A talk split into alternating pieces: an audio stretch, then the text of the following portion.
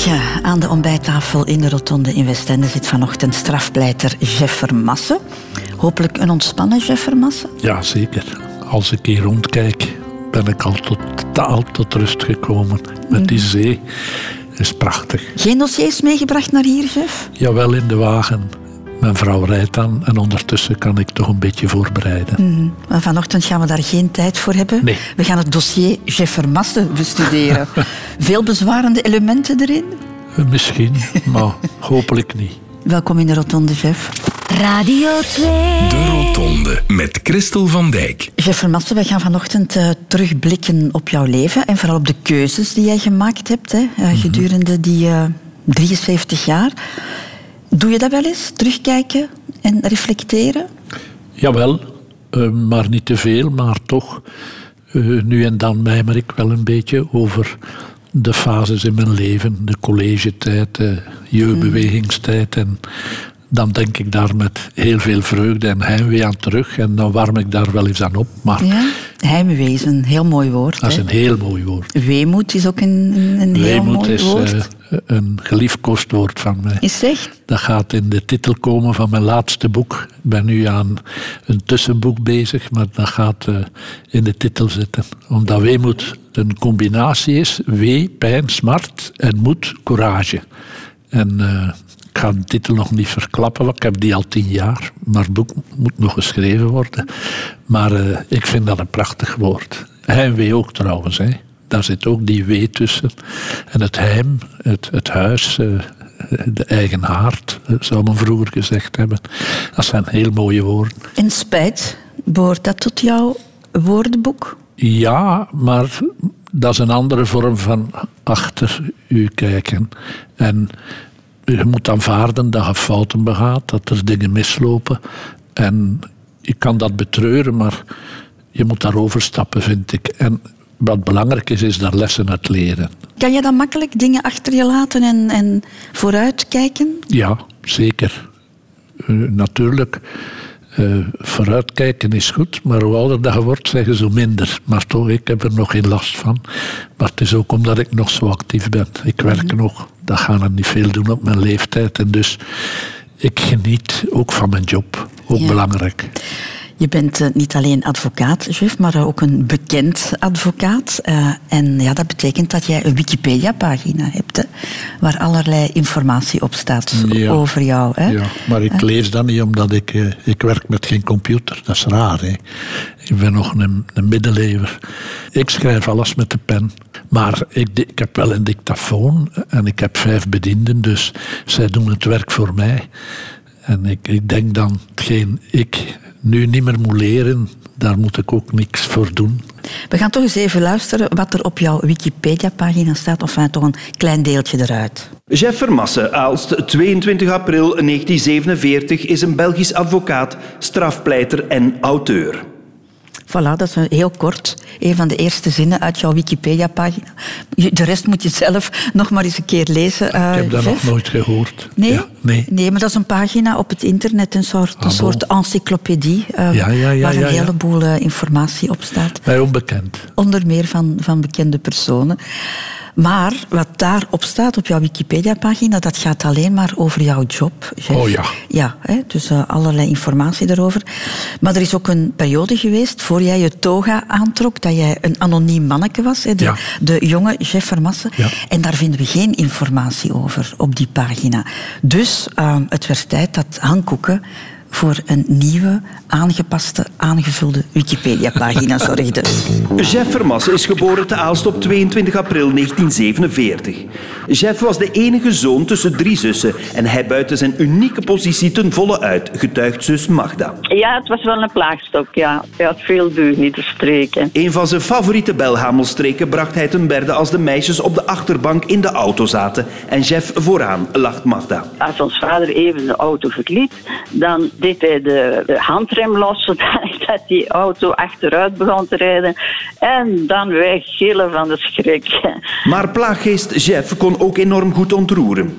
Met zijn verbaal talent pakte hij op familiefeesten iedereen in met het voordragen van gedichten, weet Magda. En chef kon het uh, declameren met zoveel emotie in zijn stem dat de tantekes meerdere traantjes moesten wegpinken. Ook bij de jeugdbeweging kwam dit van pas, vertelt jeugdvriend Godfried van der Perre. Tot de dag van vandaag onder de indruk van dat uniek verteltalent. De KSA was ook al leider van de Jongnapen. Hè. Dus eh, daar begon al, was al de kiem gelegd van zijn verhalen vertellen met een inlevingsvermogen. Dat herinner ik me nog. Maar Jeff kon ook nog een andere kaart trekken om zijn omstaanders tranen in de ogen te bezorgen, weet vriend Godfried. Ja, we gingen veel op stap en, en uh, Jeff was een goede moppeltapper ook. Uh, die kon in die periode, daarin was hij echt getraind om een compagnie te Verbale duizendpootchef was volgens zijn vriend Jan de Wilde altijd al extreem intelligent en... Hij weet ook drie zinnen op voorhand wat hij zal uh, gaan zeggen. Hij, ik heb hem nog nooit weten uh, zeggen. En deze verbale virtuositeit combineerde Jeff ook met een enorme fysieke kracht, vertelt Jan de Wilde met ontzag. We, we moesten een beek oversteken en wij hadden, hij was de enige met, met rubberlaarzen aan. En hij heeft ons allemaal de beek overgedragen op zijn rug. Ik heb een foto van ik op de rug van Jeff Vermassen en ik heb hem dan later getekend als de heilige Christophorus die de, het leed van de wereld op zijn rug uh, de, draagt. Dat de heilige Jeff Tophorus advocaat zou worden stond in de sterren geschreven. En Jan de Wilde weet waarom Jeff een groot is geworden. Hij vergeet niks, hij vergeet nooit. De welbespraakte, humoristische en alles onthoudende Jeff maakte vanaf zijn eerste processen grote indruk. In zijn eigen erudite stijl was hij klaar om het leed van de wereld een beetje te verlichten en de waarheid en rechtvaardigheid te doen zegevieren. En de rest is history. Dat hebben ze me dan niet gezegd. Ah nee, dat was een verrassing, hè? Ah, ja, maar het was het een leuke verrassing? Ja, zeker. Ja, zeker. ja. Ook met Jan. Ja. Vind het schitterend. Leuk, hè? Ja. En ken je dat gedicht nog? Maar Ja, ja. zus Ja, ja, ja. ja. Maar en jouw tantekes waren jouw eerste publiek. Eh, ja, ja. En ze vroegen thuis altijd, allee, draag nog eens iets voor. En ja, dan moest ik een gedichtje voordragen dat ontroerend was. En zo heb ik mijn eerste oefeningsjes gedaan natuurlijk. De Rotonde. Radio 2. Radio 2. Jeff Vermassen, ik kan me voorstellen dat jij als strafpleiter weet hoe belangrijk de plek is hè, waar je wieg staat. Ja. En hoe de dingen daar eh, fout kunnen gaan. Dat is heel juist. De wieg waar je ingelegd wordt is zo belangrijk in het leven.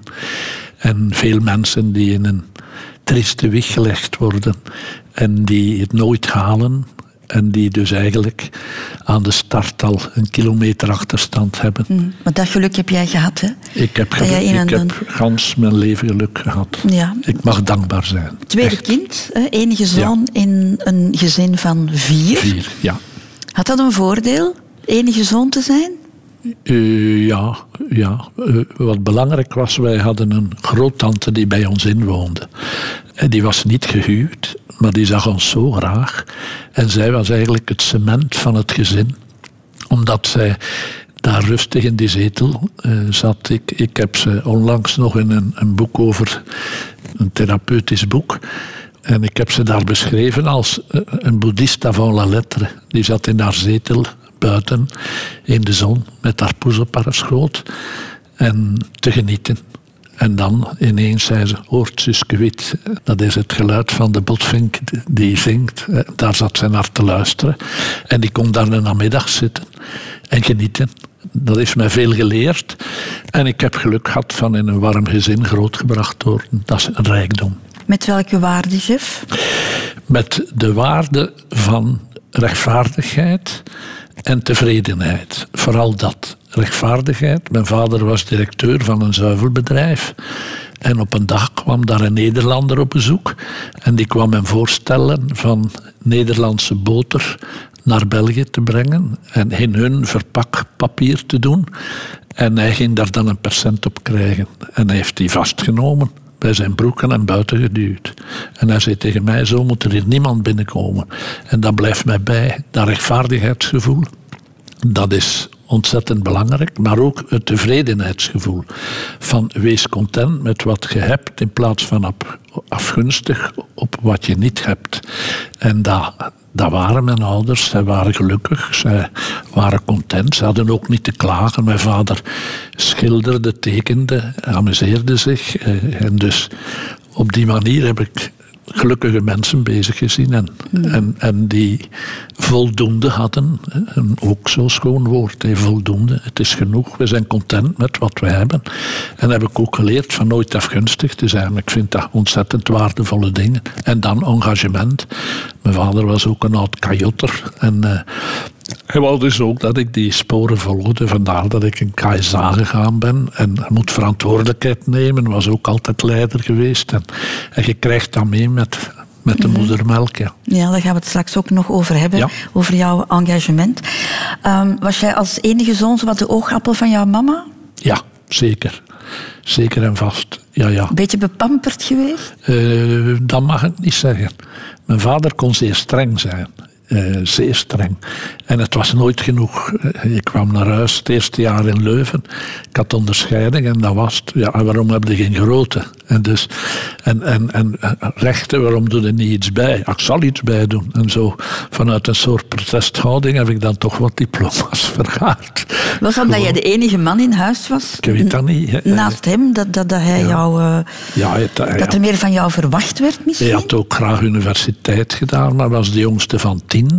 En eh, daar was geen rijkdom. Die kwam rond, maar hij heeft dan wel mogen studeren. Ik kwam uit technisch onderwijs, eh, maar had veel meer gekund.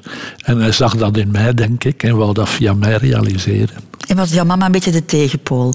De verzachtende? Mijn, ah, wel, mijn, mijn moeder had tien jaar lesgegeven in Brussel, in het Frans. Zij was een kokin, want zij was regentes huishoudkunde. En eh, een echte lerares, maar, maar geen dominante. Een heel zachte figuur. En ja, ik- ze zeggen dat ik veel van haar heb. Van mijn vader ook. We zijn allemaal de combinatie van beiden, denk ik. hè. Je bent dan op je dertiende al eh, op internaat Ja, gegaan. was vroeg. Hè. Ja, wa- wa- Inderdaad. waarom was dat? Ja, goede opvoeding krijgen en op eigen benen staan. En dus eh, ik ben naar Sint-Liefes College gegaan in Gent. En heb daar een prachtige tijd doorgebracht. Eh, ook omdat ik eh, leider was in KSA. En dan op het einde bondsleider. En de helft van het internaat waren mijn KSA's. Dus Jou- jouw zus vertelde dat heel het gezin wat verweest achterbleef zo, in het begin dat je Ja. weg was. Ja, ik weet dat. dat. er tranen bij kwamen Ze hebben kijken. allemaal zitten wenen in de auto. Maar dat was ook omdat ik zo jong was. Want het was niet dertien, ik was tien jaar. Tien. Tien, ja, ik was tien jaar. Ik was de tweede jongste van het internaat. En eh, ja, ik liep daar een beetje verloren die eerste avond op die speelruimte tussen al die grote beren die daar wandelden. Want die wandelden heen en weer zo. En dat, dat, ja, dat was vreemd. Maar ik heb me daar heel vlug aangepast. En, en eh, ik moet zeggen, ik heb daar een prachtheid meegemaakt. Alleen de eerste weken, dat was hard. Omdat je zo jong bent. En, en thuis weg. Maar ja, dan word je wel zelfstandig natuurlijk. Hè. Dat is ook een voordeel.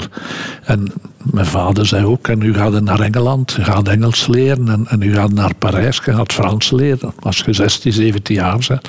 Want dat is een rijkdom. Omdat je, alleen wij, mijn zus en ik, dus de zus die daar net aan het woord was...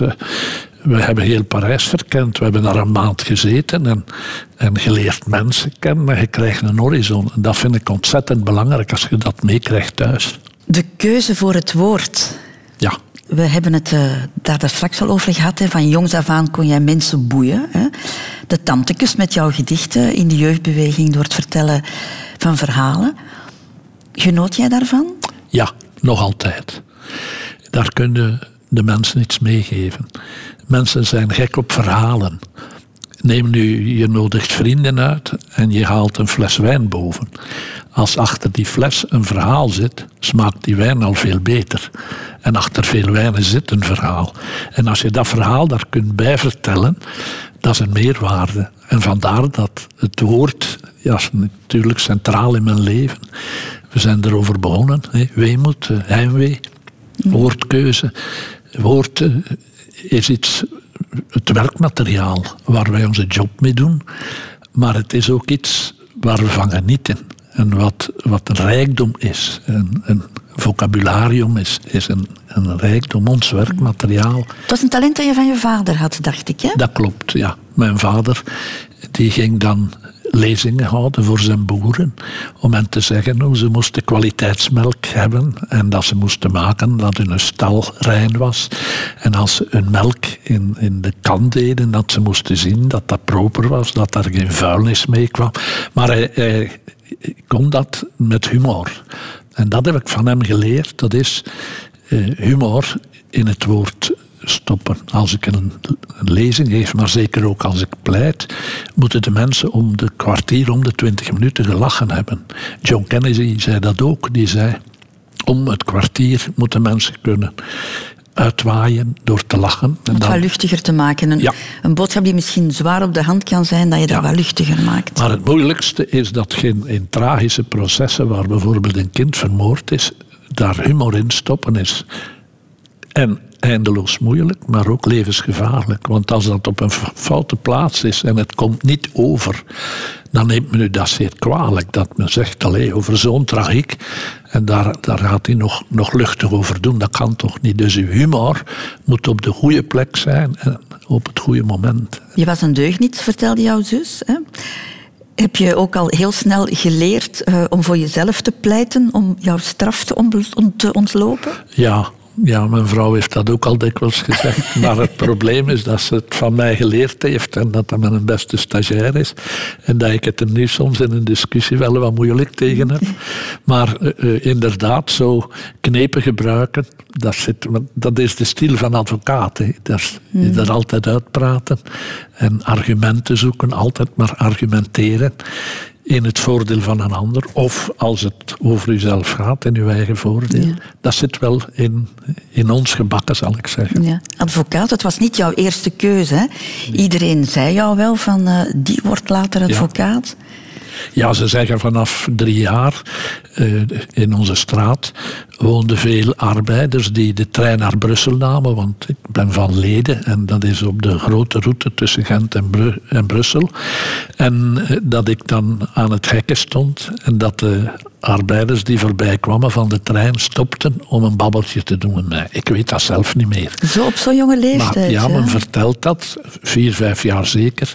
En uh, ja, dat dat pittige verhaaltjes waren. en dat ik op mijn voetjes viel als ze al lachende iets zegde. En inderdaad, wat ik me herinner, is dat ik van kindsbeen hoorde, dat wordt een advocaat. En dus dat wou ik niet omdat iedereen zei dat ik dat ging worden, dus zei ik nee. Maar in mijn studies hield ik er toch rekening mee dat dat toch ook een mogelijkheid was. Ik wou vooral altijd deuren open houden. En daarom heb ik dan ook Latijns-Grieks gedaan, want in die tijd mocht je geen rechten beginnen als je geen Latijns-Grieks gestudeerd had. En daar hield ik rekening mee, al op mijn twaalf jaar. Maar toch wou ik het niet doen. Maar uiteindelijk zag ik dat er voor mij niets anders overschoot. Ik wou geneesheer worden, maar ik, kan geen bloed zien. Ik, als ze nu, zeker met die corona, zo met, met een stift in zijn neus zitten, dan zeg ik tegen mijn vrouw, verwittig mij als het gedaan is. ik moet het niet zien. Dus geneeskunde, plus ik kon geen scheikunde en geen natuurkunde. Ik dacht aan Germaanse, maar ik kon dan ook niet goed Duits op dat moment en Engels. Dan dacht ik, ja, dat is ook voor mij niet gemaakt. Psychologie, dacht ik, zeer boeiend. Ik vind dat nog altijd een van de boeiendste vakken. Maar niet professioneel de mensen in een vakje stoppen. Vond het niet leuk. Ja, en dan zeg je, wat kan ik nu eigenlijk nog doen? En uiteindelijk was alleen nog rechten over. Het was eigenlijk een eliminatie van de, van de andere keuzes. Ja, want iedereen in de retorica had al gekozen. En ik wist nog niet wat ik zou doen op dat ogenblik. Ik heb het maar in het laatste trimester van de retorica beslist. En het is een goede keuze geweest? Ik denk het. Vooral omdat ik er een criminologie bij doen heb, die mij een horizon gegeven heeft waar ik nog alle dagen van geniet. Ook omdat ik de topproffen had, professor Delaert. Eh, dan uh, ja, gaat er verschillende ook. En, en uh, ja, ik heb dan ook vijf jaar les kunnen geven, praktijkcolleges. Uh, Steven de Batselier was mijn Peter. Daar heb ik heel veel van geleerd. En dat was een prachtige periode. En daar ben ik eigenlijk mens geworden. Ook beginnen lezen. En ik lees nu nog ontzettend veel ook, maar geen juridische boeken, maar criminologie, psychologie, filosofie. Dat boeit mij enorm. Ja. In Leuven, ehm, tijdens je studies, zoek je eigenlijk vrij snel het podium op. In de zin dat je prezes bent hè, van de studentenbeweging. Een prezes is iemand die gezien wordt, hè, die voor een Ja. publiek moet kunnen spreken. Ja, ja. Ik eh, kwam in Leuven toe en eh, wij hadden nog zo'n test in de retorica. Ik, ben nu aan het zoeken hoe dat noemde. En je moest dat examen afleggen, maar dat was buiten de vakken die je kreeg. En je moest een thema kiezen.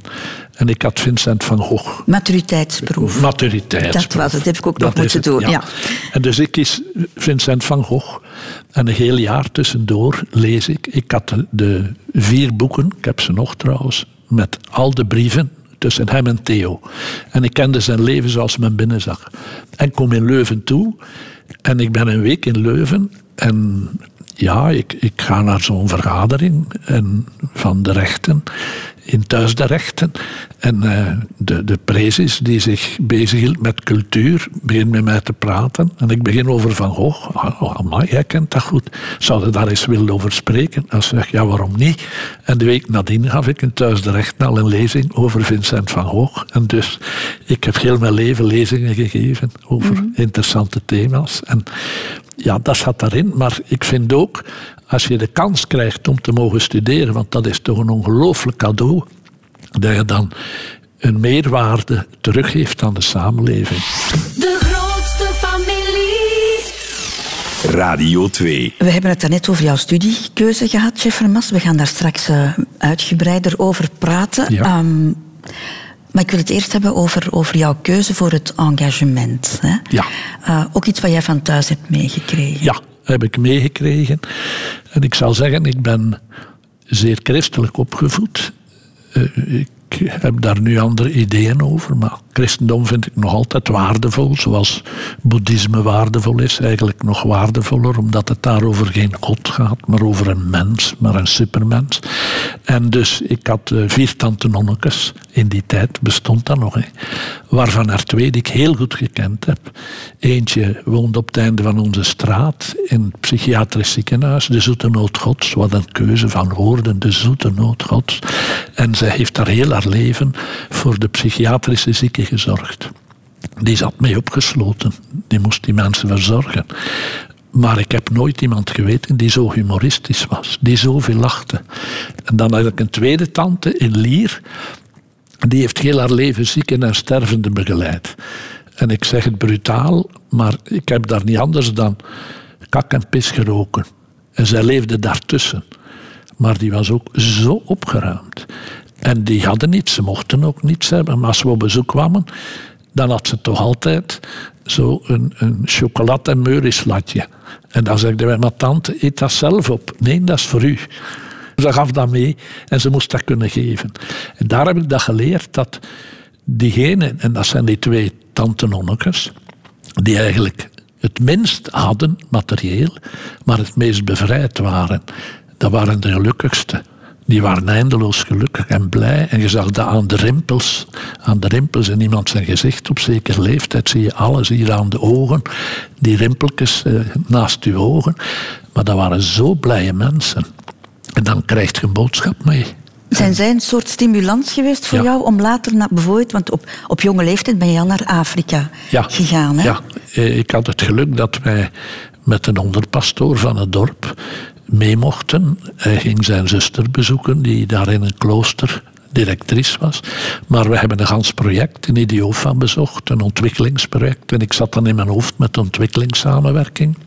En we hebben dan eh, Hans die streek, Kikwit en omgeving bezocht. En dat was een heel, het was twee keer België.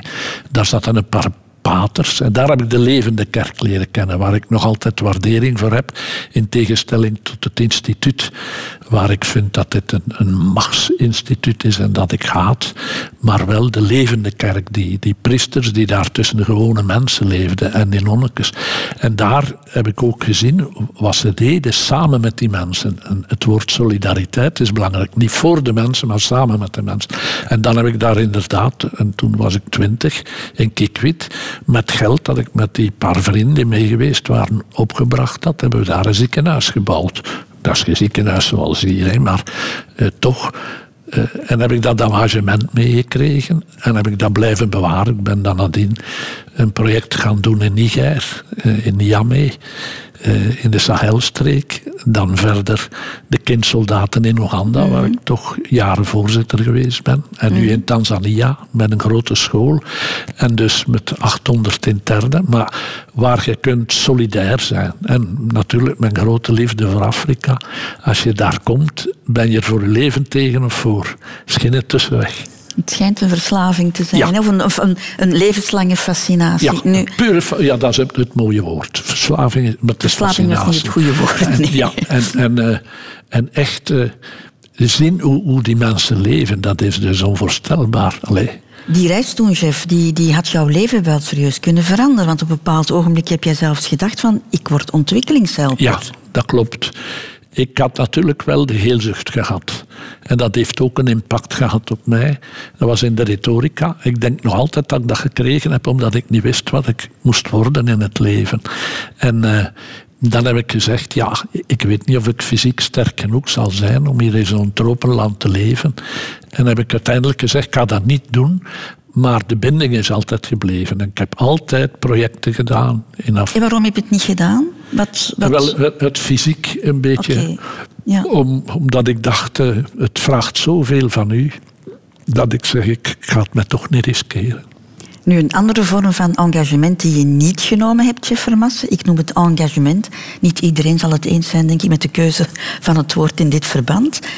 Je bent nooit in de politiek gestapt. Nee, En je hebt toch wel die, die aanbieding gekregen op je achttiende al. Oh ja, tot, tot nog niet lang geleden. Gans mijn leven lang heeft men mij gesolliciteerd om aan politiek te doen. Eh, Ja, in het begin was het in mijn dorp. En eh, toen mocht men stemmen van 18. Maar ik was dan zo'n beetje de leider van de jeugdclub die ik mee opgericht had. Vandaar dat Jan de Wilde bijvoorbeeld een vriend is. Ik gaf daar kleinkunstavonden. Dat zijn allemaal vrienden gebleven. Urbanus is een goede vriend. eh, Mil Kools was een goede vriend. Iedereen die daar kwam optreden. Eh, en, en dus ik heb daar zelfs cultureel een, een vriendenkring opgebouwd. En toen zei de burgemeester: eh, Kijk, wordt mijn eerste schepen. Als mij iets overkomt, zet je burgemeester. Ik zeg: Ja, maar ik ga mijn jonge mensen uit de club niet verkopen om een carrière van mezelf. Ik wil dat niet. En twee jaar nadien is hij gestorven en de eerste schepen is burgemeester geworden en heeft jaren geweest. En ja, nadien kreeg ik ja, uitnodigingen langs alle kanten. ja. En eh, ik heb altijd nee gezegd, omdat ik ook neutraal wou zijn. Ik wou mij achter geen vaandel scharen.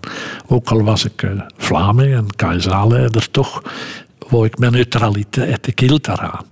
En dan later had ik natuurlijk mijn handen vol met te werken en dan moet je kiezen.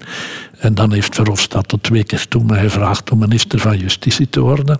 Heb ik erg getwijfeld heb ik vrienden geraadpleegd, waaronder Jan de Wilde bijvoorbeeld. En iedereen zei, doe dat niet, dat is voor niet.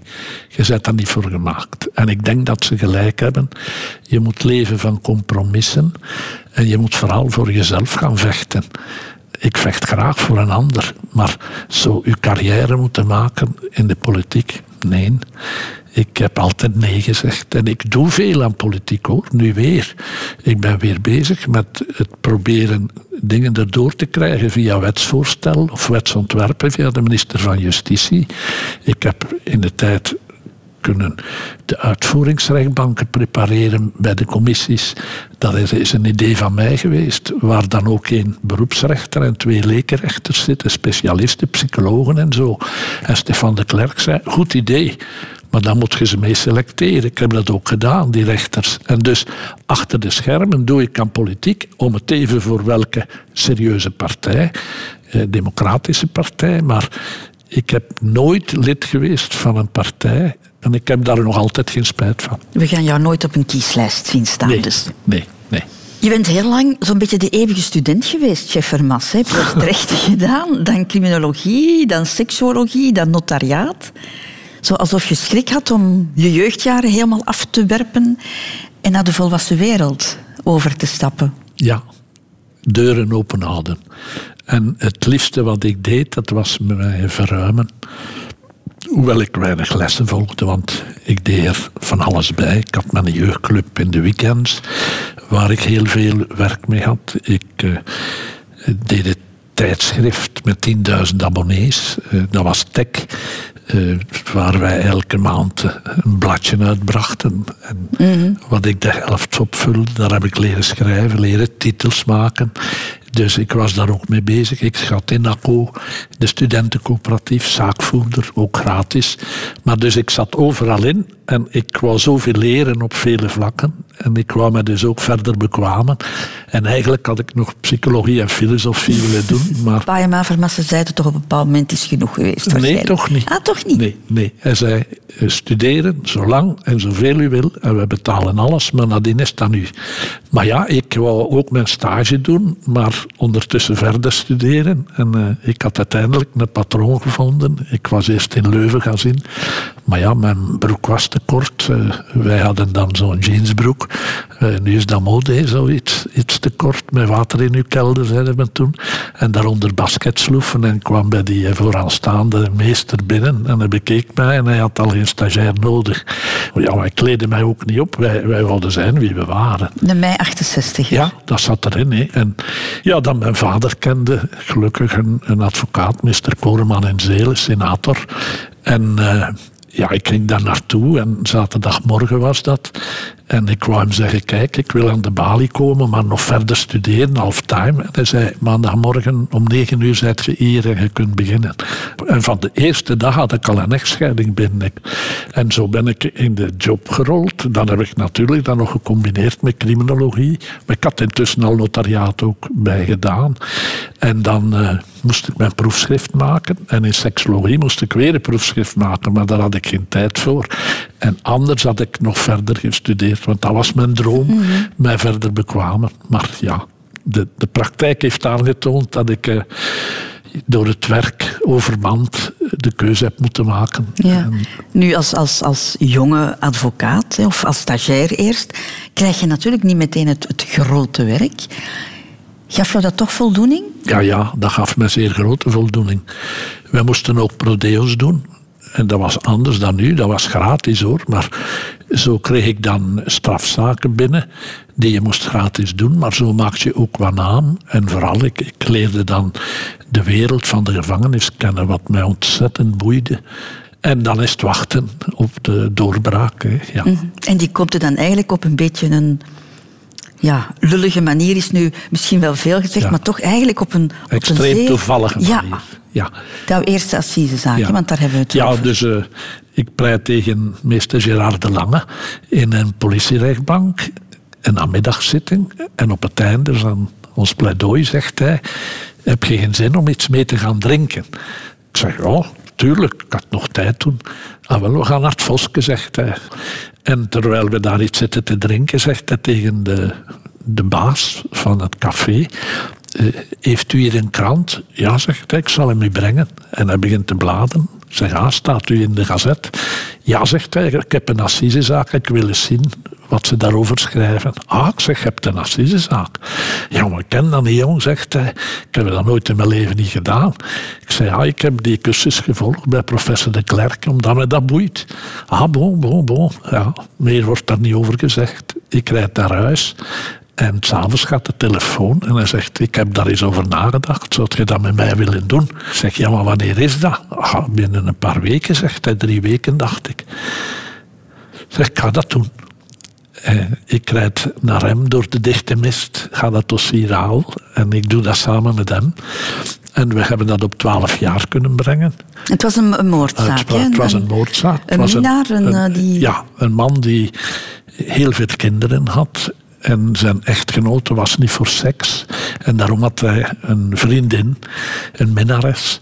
En eh, op een dag zegt hij, ja, ik heb toch schuldgevoelens dat ik mijn vrouw eigenlijk zo bedrieg. Ik ga daarmee stoppen. En hij wil zanderdags beginnen, internationaal vervoer. En gaat dus naar haar toe om te zeggen, kijk, sorry, maar ik beëindig het. En zei hij toe, kom nog één keer mee in bed. Hij doet dat en ondertussen stopt ze zijn paspoort weg, zijn portefeuille. Maar daar zit zijn anta- internationaal rijbewijs in.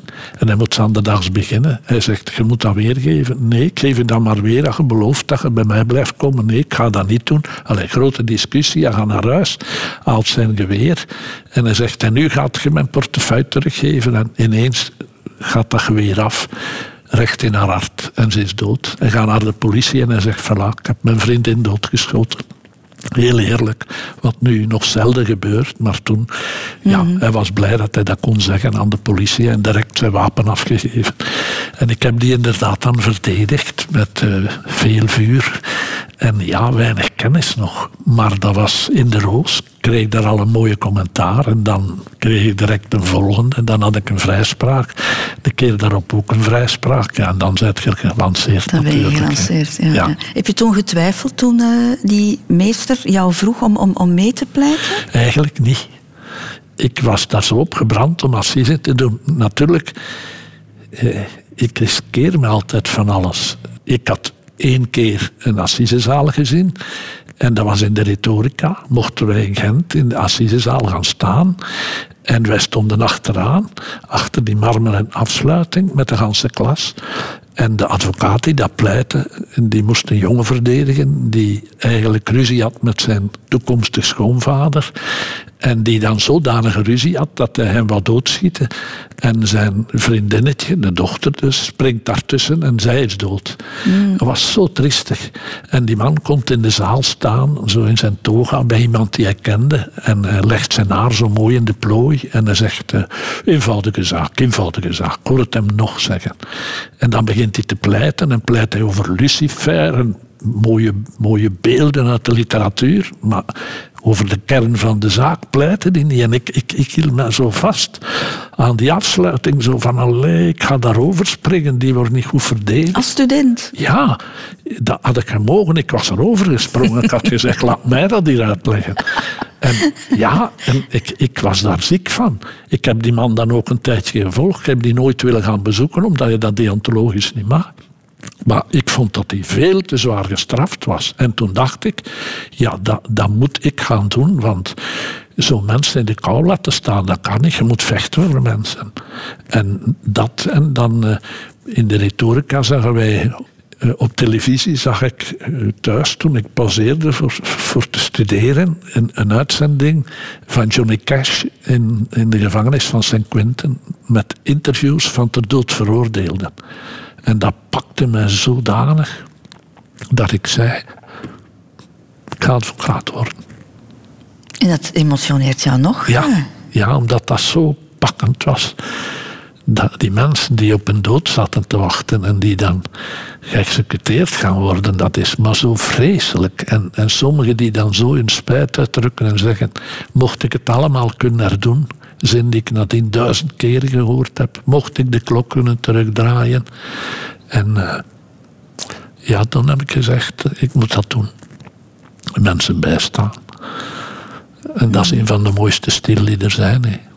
Als eh, strafpleiter, Jeff Vermas, hè, als je voor, eh, voor assise werkt, hè, als assisezaken pleit, dan sta je meer in de spotlight dan andere advocaten. Hè. Dat zal altijd zo geweest zijn, maar misschien nu meer nog dan, dan, dan vroeger. Veel meer. Van de media Veel meer nu. Want eh, ik heb nog de periode meegemaakt dat er weinig aandacht voor was. Ik heb, een van mijn eerste grote zaken was Gorion, die zes mensen vermoord had. Daar zijn twee, drie minuten filmbeelden van. Dat is alles. Als dat nu moest gebeuren, dan staan ze met hun straalwagens op uw, op uw hof en zijn ze niet meer van uw hof te smijten, de journalisten. Allee, ik heb daar eens eh, vijf vrijspraken op een rij gehad in de vijf Vlaamse provincies, de een na de andere. Als dat nu moest gebeuren, maar dan staan alle journalisten aan uw deur. En toen, toen passeerde dat nog met een matige aandacht, zal ik het noemen. Maar dan is VTM gekomen en de concurrentiegeest tussen zenders. En dan is die aandacht gegroeid. Ja, en dan natuurlijk heeft strafrecht een heel andere betekenis voor de mensen. En nu zie je dat aan de uitzendingen, dat dat inderdaad iets is dat de mensen bezighoudt. En waardoor ook veel plaats wordt geboden aan dergelijke artikels. Ja, maar jij bent toch één, als ik het zo mag noemen, een van de eerste BV-advocaten. Hè? Eh, Ja, en dat dan klopt. bedoel ik advocaten die, Ja. die bekend geworden Ja, zijn. Hè? bijna tegen wil en dank in het begin. Ja, dat is zo. Tegen wil en dank, eh, zeg je, maar je hebt er toch ook wel voor gekozen, chef, om regelmatig op televisie te komen. Ja. Hè? In talkshows. Je was heel vaak te gast eh, in de programma's van, van Jan van Rompuy. Hè? Jan Publiek, eh, onder meer. Ja, waarom, van- wa- wa- waarom heb je die beslissing genomen om je daar te profileren? Ook weer zeer toevallig. Ik had een cliënt die een eigen hutje gebouwd had. Een, een, een aparte man. En eh, die leefde daar. Maar die ging vervriezen, want het was een koude winter. En ik ben hem daar gaan weghalen. En zeggen, man, je, gaat hier sterven. Hij was toen al cliënt bij mij. Hij was ook paranoïd. En ja, ik, ik heb dan voor hem een onderkomen gezocht. Maar hij kwam in het programma van Jan. En Jan contacteert mij als zijn advocaat. En zo kom ik bij in het programma. En dat klikte. En hij vroeg mij nog eens en nog eens. En ik heb dat dan jaren gedaan. Maar, en dat is nu een beetje zelfverdediging.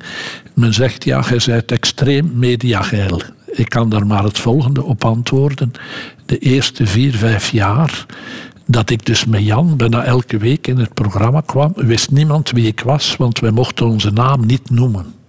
Dat was verboden, want dan werd je gesanctioneerd.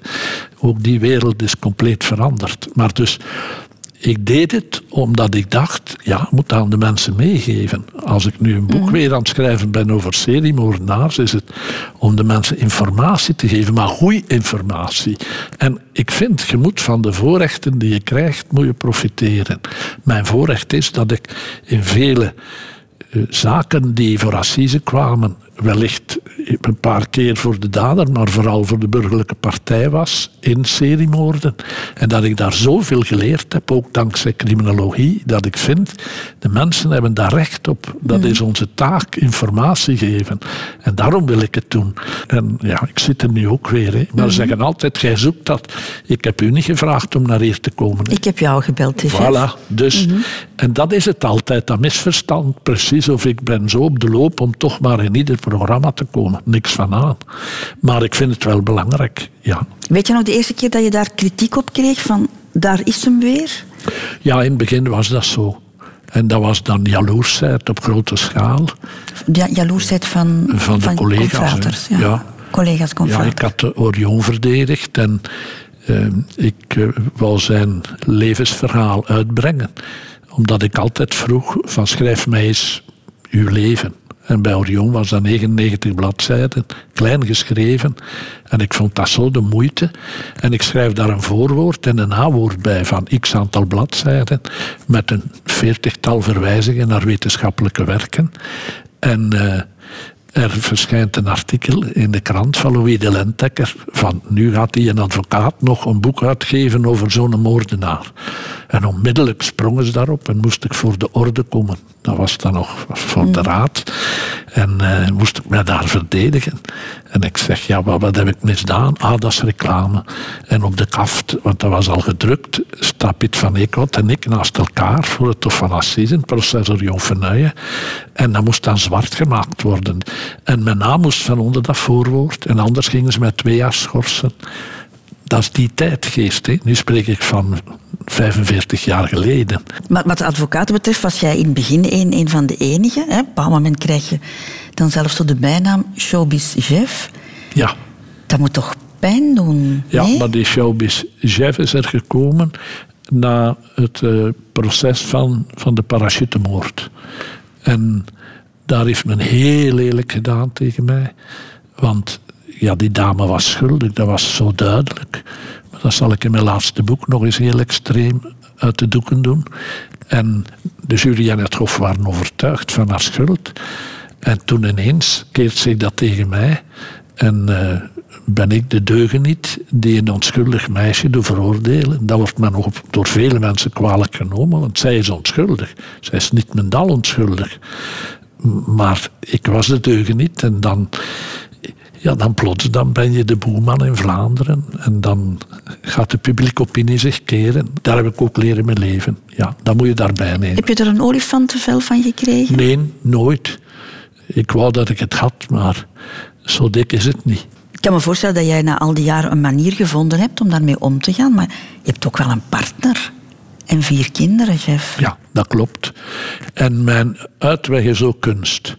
Als ik het echt niet meer zie zitten of na een zware assisezaak, zeg ik tegen mijn vrouw: Kom, en de kinderen de auto in naar Parijs. Het zijn altijd interessante tentoonstellingen. En eh, ja, dan een weekend Parijs en dan ben ik een andere mens. Dus je moet alternatieven hebben en dat is kunst voor mij. Maar om nog even terug te komen op jouw partner en- en kinderen na de parachutemoord, waar je het net over had, is het toch wel ver gegaan. Hè? Er zijn doodsbedreigingen geweest. Ja, en bescherming van politie. Wat heb ik nadien nog gehad hoor. Eh, maar toen was het extreem.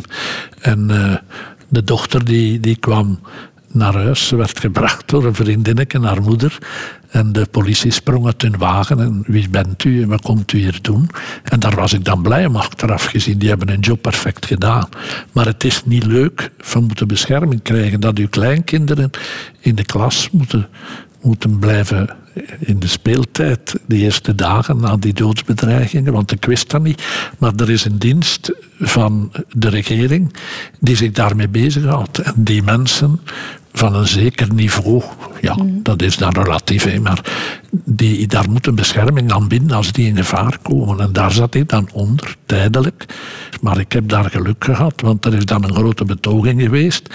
En daar liep een halve garen in mee, met op zijn rug verwijten aan mijn adres in het Engels. En eh, dan een jaar nadien staat hij in de krant. En met die jas aan, met die verwijten aan mij. Maar dan had hij de procureur in Kortrijk zijn bureau doen ontploffen. Er was niet te veel schade. Had de deur eh, ja, doen ontploffen met een product. Maar dan denk ik, ja, ik heb geluk gehad. Voor hetzelfde geld was hij aan mijn kantoor gekomen. Want hij was haatdragend naar mij toe. Maar dat is een risico dat je loopt in onze job. Natuurlijk, het is verslecht nu als je ziet dat men in, Nederland een advocaat doodt omdat hij een cliënt verdedigt eh, waar dan het milieu boos om is, dan, dan gaat men toch al ver. En ja, ik, ik hoop dat dat niet verder in die richting evolueert, want dat is niet goed. Radio 2. De Rotonde. Je bent in 1947 geboren, Jeff Vermassen, net na de oorlog. Ja. Eh, in wat men noemt het Kuisse Vlaanderen. Juist. Ja, ja, zeker en vast. Naar de mis moeten, zeker op internaat en naar het lof en wat weet ik, tot als het uw keel uitkomt.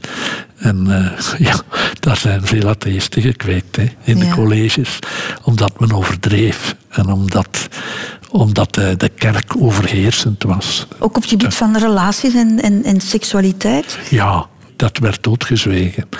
Eh, maar dan op de retraite, dan, dan zei de pater. En eh, seks, dat is voor het huwelijk. Daar moet je mee wachten tot je getrouwd bent en zo. En ja, wij, liepen daar nog in. Dat is, Want voor jij naar Leuven ging, eh, was jouw wereld allicht heel erg gescheiden van, van meisjes. Hè? Ja, Toen was dat toch, hè? Ja. Scholen. eh, Wel, wij mochten in de, de, de retorica, dus het laatste jaar van de humaniora, dat was een zeer grote bevoorrechte situatie, mochten wij naar operas en naar toneelstukken. Want ik weet nog dat we dan in het toneel binnenkwamen in de NTG of in de opera. En dat onze prefect in het midden stond. En recht over hem stond dan een non ook in het midden, met de armen open, om de groepen gescheiden te houden. En dus, dat was onvoorstelbaar. Maar dan in de retorica, dan was er een danscursus waar Sint-Bavo en Sint-Lieves, de retorica-student, dat samen deden. En toen kreeg ik toch wel de geelzucht. En heb ik daar ook niet kunnen leren dansen. En ook de kans niet gehad om eens de eerste keer in mijn leven een meisje tegen mijn gilet te trekken. Maar ik heb daar nadien in Leuven wel ingehaald. Maar toen, toen mocht dat allemaal nog niet. En, en dat was toch bevreemdend dat je zelfs niet opzij mocht kijken. Dat was extreem. hè. Te, te. Was eh, Leuven dan een openbaring voor jou? Enorm. Dat was een bevrijding. Dat was een nieuwe wereld die openging. Ja, en zeker in die tijd met, met Leuven-Vlaams toen, mei 68, toen zat ik in het derde jaar rechten, maar dat was, ja, dat was een horizon die, die je je niet kon voorstellen. En dat heeft ons gemaakt. Hè. Want nog, hè, als het moet springen zijn op de barricade voor de goede zaak, zullen we daar staan. Hè. Maar we gaan het toch nog even over de liefde hebben hoor. hè, Want ik vind dat je zo'n beetje... Jouw vriend Godfried, met wie je samen studeerde, Ja. die vertelde dat jullie daar ook wel de eerste zoektocht naar, naar een lief deelden. Ja. Dus het was wel iets wat jullie bezig hield. Dat is een een zekere nieuwsgierigheid moet er geweest zijn. Ja, ja, ook. Maar dus ik, ik kom in Leuven toe. En eh, ik ga naar de les. Mijn oudere zus, die geschiedenis deed, brengt mij naar de aula voor de les. En ik zit daar naast een meisje. Het mooiste meisje dat ik in Leuven ooit gezien heb. Ik was op slag verliefd. Maar wij durfden daar niet aan beginnen. En dan op een duur, ja, groeit daar toch iets. En dan was de afspraak. Allee ja, als we er alle twee door zijn in september, kunnen we een relatie beginnen. Maar zij was dan gebuist en ze was weg en, en dan is dat gedaan. Maar dat spookt wel in je hoofd. En ja, wij waren ook vreselijk idealistisch en braaf, heel braaf. Mijn vader zei ook, jongen, als je eerste jaar in Leuven begint te vrijen, dan kom je naar huis, man. Allee, zo die dingen, dat was te. Ze bedoelden dat goed, maar eh, dat had toch een impact op ons van En een schrik voor een zwangerschap zat er in die periode ja, uiteraard dat zat er ook heel dik in, omdat dat risico ook zeer groot was. Hè. De, de pil, dat was nog iets ver van ons. Eh, ja, condomen, dat begon stilletjes aan, maar ja, het is allemaal zo lang geleden dat de mensen zich dat niet meer kunnen voorstellen. Hè. Heb je daarmee geworsteld?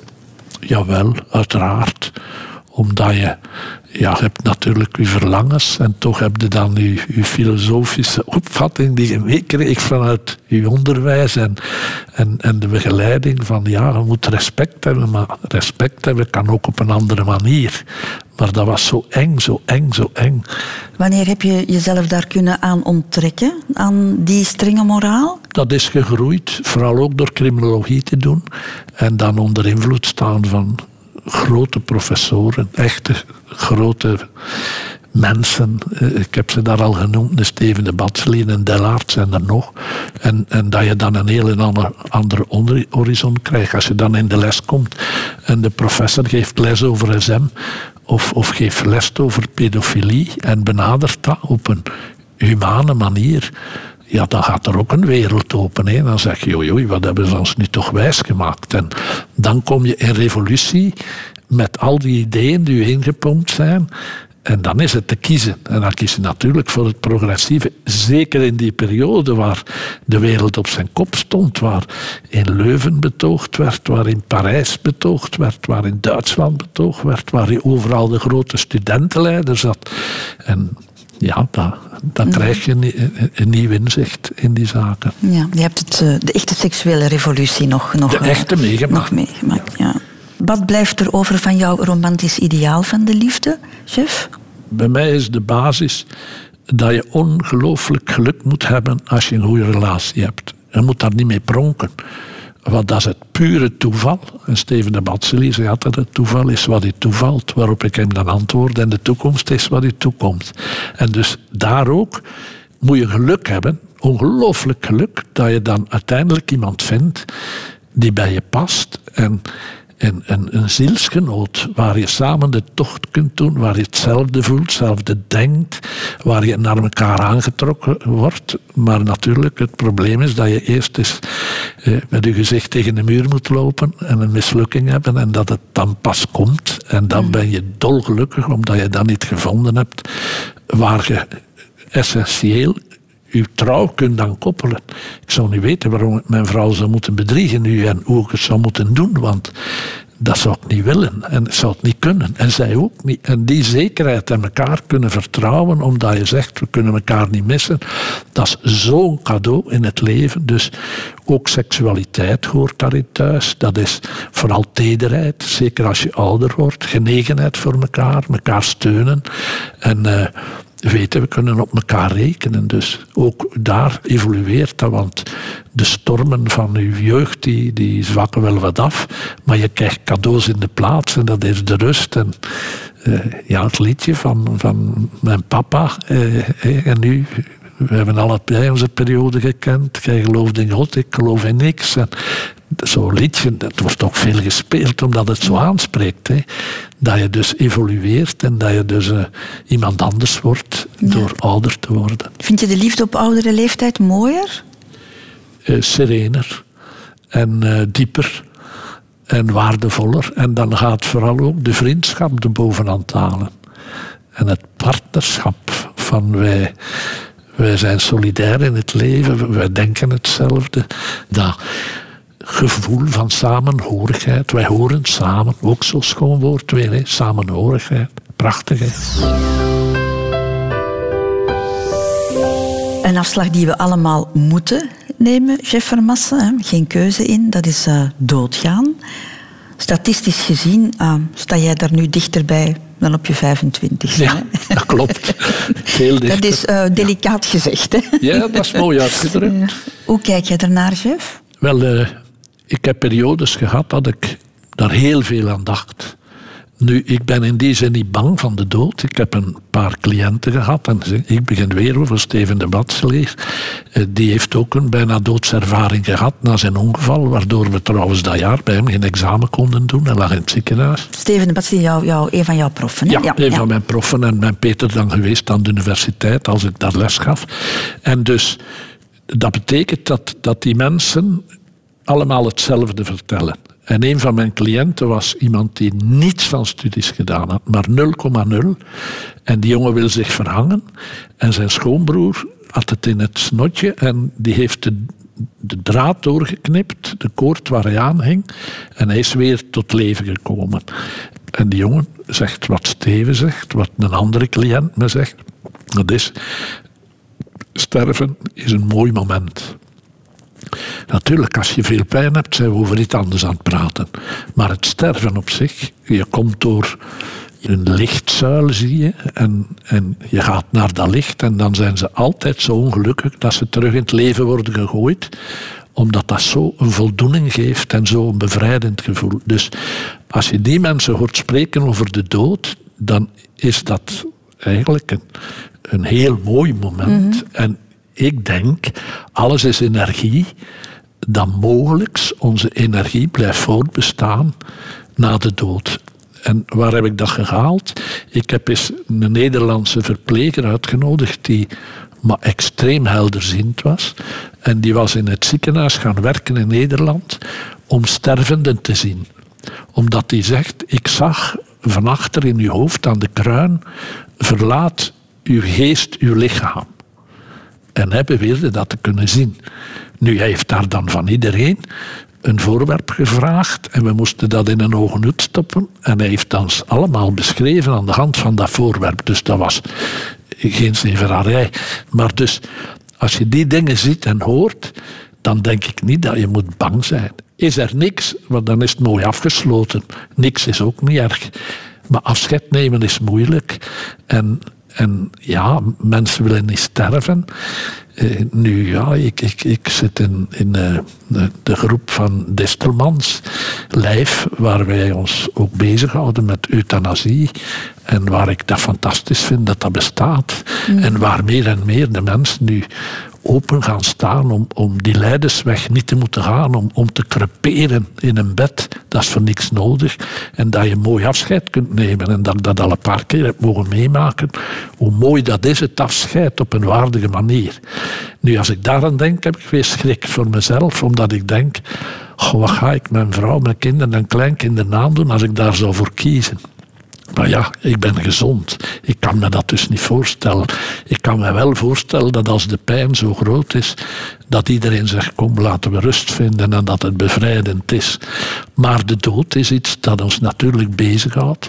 Maar waar ik vind dat je niet moet bang van zijn, wel van extreme pijn. Maar gelukkig, gelukkig in vele gevallen kunnen ze dat al een beetje beheersen. Hoewel ik zie nog nu op dit ogenblik weer iemand creperen van de pijn. En dan, dan denk je, jongens, jongens, wat, wat kan een mens toch van onwaardig leed over zich krijgen? Dus daar heb ik wel wat schrik voor. Maar voor sterven eigenlijk niet. Alleen vind ik het zo, zo pijnlijk dat je, je hebt een goede relatie, ook met je kinderen, kleinkinderen. En als je dan weg bent, gaan ze verdriet hebben en je kunt ze niet meer troosten. En dat vind ik erg. En je zegt dat omdat jouw vrouw een stuk jonger is natuurlijk. Uiteraard, ja, dat speelt ook mee, ja. Groot, het ja, grootst is. ja, hè? ja. Het moeten alleen achterblijven is vreselijk als, als het goed gaat. Het is nu op een week tijd dat ik twee voorbeelden heb. Dat is Rick van Looy, die zijn vrouw sterft en zegt, wat moet ik nu doen? Wat, wat is mijn leven nog?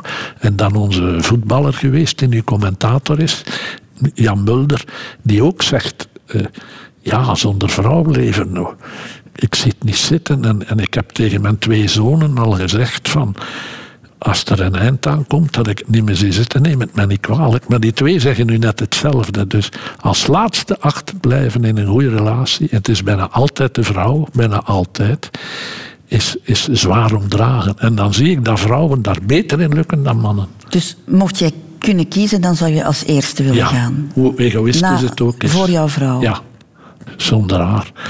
Allee, ze, gaat ieder jaar in september met haar yogaclub een weekend weg. En, en vorig jaar, ik dacht, nou dat meende toch niet, zo vier dagen. En ik zit daar. En dan heb ik trucken uitgedacht, daarvoor zet advocaat. En heb ik naar die voorzitter van de club gebeld en gezegd, als ik daar nu eens een lezing kom geven tijdens jullie weekend, mag ik dan mee?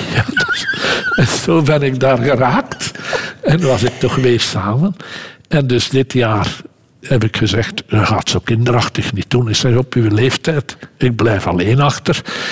Maar het mooie was dat de- de, de vier kinderen dan gezegd hebben, kom bij ons eten. En ze waren aan het vechten om bij hun te komen eten, omdat ze dat weten. Maar ik hart me daar wel een beetje in, want je moet ook niet flauw doen. Hè. Allee, we zijn geen suikerbonen. Hè. Maar word je sentimenteler met de jaren? Iedereen, denk ik. Ja, ik heb dat veel vlugger ontroerd. Ik heb het in ieder pleidooi op een bepaald moment moeilijk. En zeker als ik een burgerlijke partij ben waar een kind gestorven is, zoals kleine Luna in de zaak van Thames, waar ik de ouders bij gestaan heb. De ouders van de twee babytjes in Dendermonde. Met de gelder was dat. En nu dat jongetje van 18 door zijn mama gedood wordt met eten die ik een maand geleden gepleit heb. Poeh, dan moet ik mijn kleinkinderen op mijn schoot nemen als het gedaan is. Gewoon moet ze knuffelen. Omarm je die emotie? Eh, Ik omarm die emotie omdat ik eh, daar ook uit voel hoe waardevol uw situatie en hoe rijk uw, uw, uw situatie is. Dat je kinderen hebt die gezond zijn, dat je kleinkinderen hebt die gezond zijn, dat je een relatie hebt die goed zit. Dan moet je toch eeuwig dankbaar zijn. Kan ik besluiten, chef Vermassen, voor jij je ogen sluit, dat jouw laatste gedachte zal zijn: Ik heb een mooi leven gehad? Ja, zeker en vast.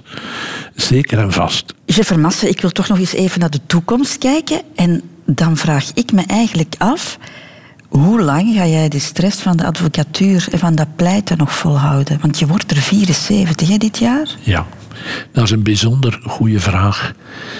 Nu, als ik een paar dagen geen mensen gezien heb op mijn bureau en ze geen raad kan geven en naar hun verdriet niet kan luisteren, dan ben ik ongelukkig. Dus als ik dat niet meer zou hebben, dat zou een ramp zijn. Dan word ik wellicht eh, een oude man en dat wil ik niet. Anderzijds is het waar dat de advocatuur een druk geeft maar ik probeer dat nu wel een beetje te omzeilen. Ik heb een totale ploeg met bedienden inbegrepen van elf mensen. Waardevolle mensen waar ik gelukkig mee ben. En die meer en meer ook de zaken op zich nemen. Waardoor ik het kan beperken tot wel de belangrijkste zaken. Maar de stress, daar leid ik meer onder dan vroeger. En dat drukt. En dat zet mij soms toch wel aan om het een beetje lichter aan te doen. En denk ik aan stoppen in die zin dat het geen stoppen is met werken, eh, maar boeken schrijven is voor mij niet werken. Dat is een rijkdom en ik heb dat als alternatief, lezingen geven. Dus het zal een, Ja, een langzaam afbouwen Ja, worden. zo als is het. eh, zo Ja, interpreteer. Dat is het. Jeff Vermassen, dankjewel dat wij vanochtend samen met jou eh, mochten ontbijten. Het was heel fijn dat jij een stuk van jouw leven wou delen. Niet alleen de feiten, Jeff, maar ook de emoties. Dankjewel daarvoor. Graag gedaan. En dan eh, is het nog het gastenboek natuurlijk. Hè? Ja. Waar de Christel zo in Soluit een gesprek mogen voeren, ver weg van die waanzinnige one-liners, is een zeer waardevolle schenk. Wat heb jij een mooie job? Mensen interviewen op niveau is niet aan iedereen gegeven. Jij doet dat met zoveel tact en luisterbereidheid dat het gesprek zo spontaan verloopt dat je als geïnterviewde de tijd vergeet.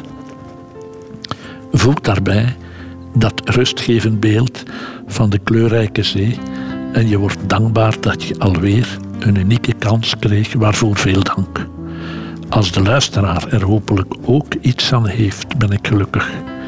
Geniet nog veel van de unieke kans die je hebt als hoogprofessionele journaliste om mensen via het woord van dienst te mogen zijn. Oprecht genegen, Jeff Vermas.